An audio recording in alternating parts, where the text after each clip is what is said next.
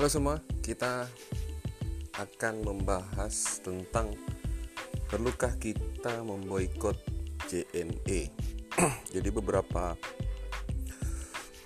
beberapa waktu yang lalu uh, di media sosial itu lagi tren uh, kritik kepada JNE. Kenapa? Karena JNE mengunggah ucapan selamat ulang tahun dari Ustadz Haikal yang sebagian orang menilai itu adalah ustadz yang dalam apa ya dalam dalam dalam dalam warna keislaman itu dinilai sebagai radikal.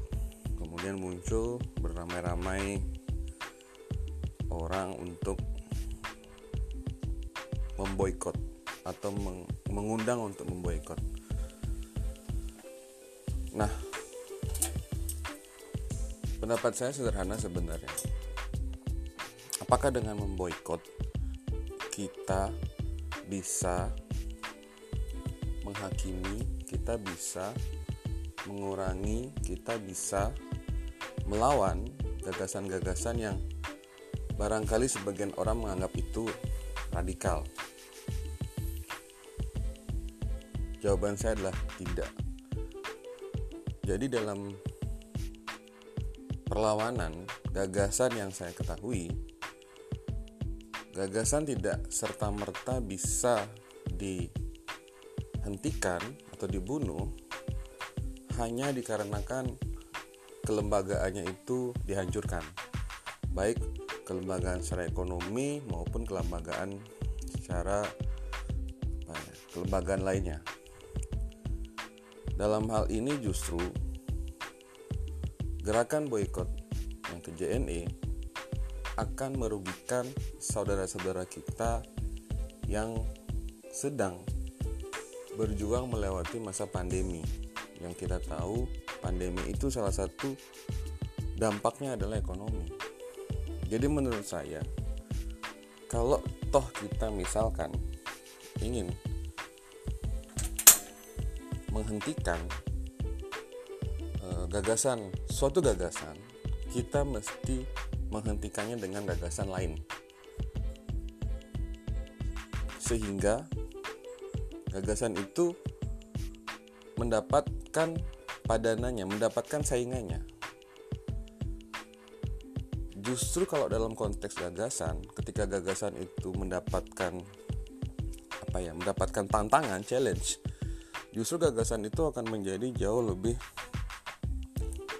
adaptif dan survive dalam menjaga kelembagaan-kelembagaan mereka. Inilah alasan kalau boykot JNE merupakan gerakan yang dianggap mampu menahan atau mengendalikan gerakan-gerakan gagasan yang sebagian orang anggap itu kurang baik, saya rasa kurang pas. Itu dalam konteks gagasan. Kedua, konteks ekonomi yang akhirnya justru korban yang jatuh itu tidak lain tidak bukan adalah saudara kita. Jadi menurut hemat saya dalam konteks ini sangat tidaklah bijak apabila kemudian kita menggaungkan narasi yang sifatnya boykot kepada institusi-institusi ekonomi yang resmi di Indonesia. Apalagi institusi itu melibatkan banyak orang. Seperti yang kita tahu institusi itu melibatkan tukang antar tukang registrasi tukang sortir dan lain-lain sebagainya. Nah inilah kenapa kemudian saya meng ngajak teman-teman untuk tidak memboikot JNE. Saya juga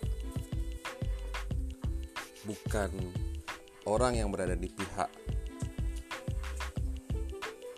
uh, yang itu ya, bukan di pihak yang berada di pihak sama dengan Ustadz Haikal, tapi mengajak boykot JNE justru akan menjatuhkan korban yang tidak semestinya. Jadi gitu kira-kira. Uh, saya harap teman-teman bijak dalam menyikapi suatu gagasan sehingga hmm, tidak kemudian akhirnya menciptakan masalah baru.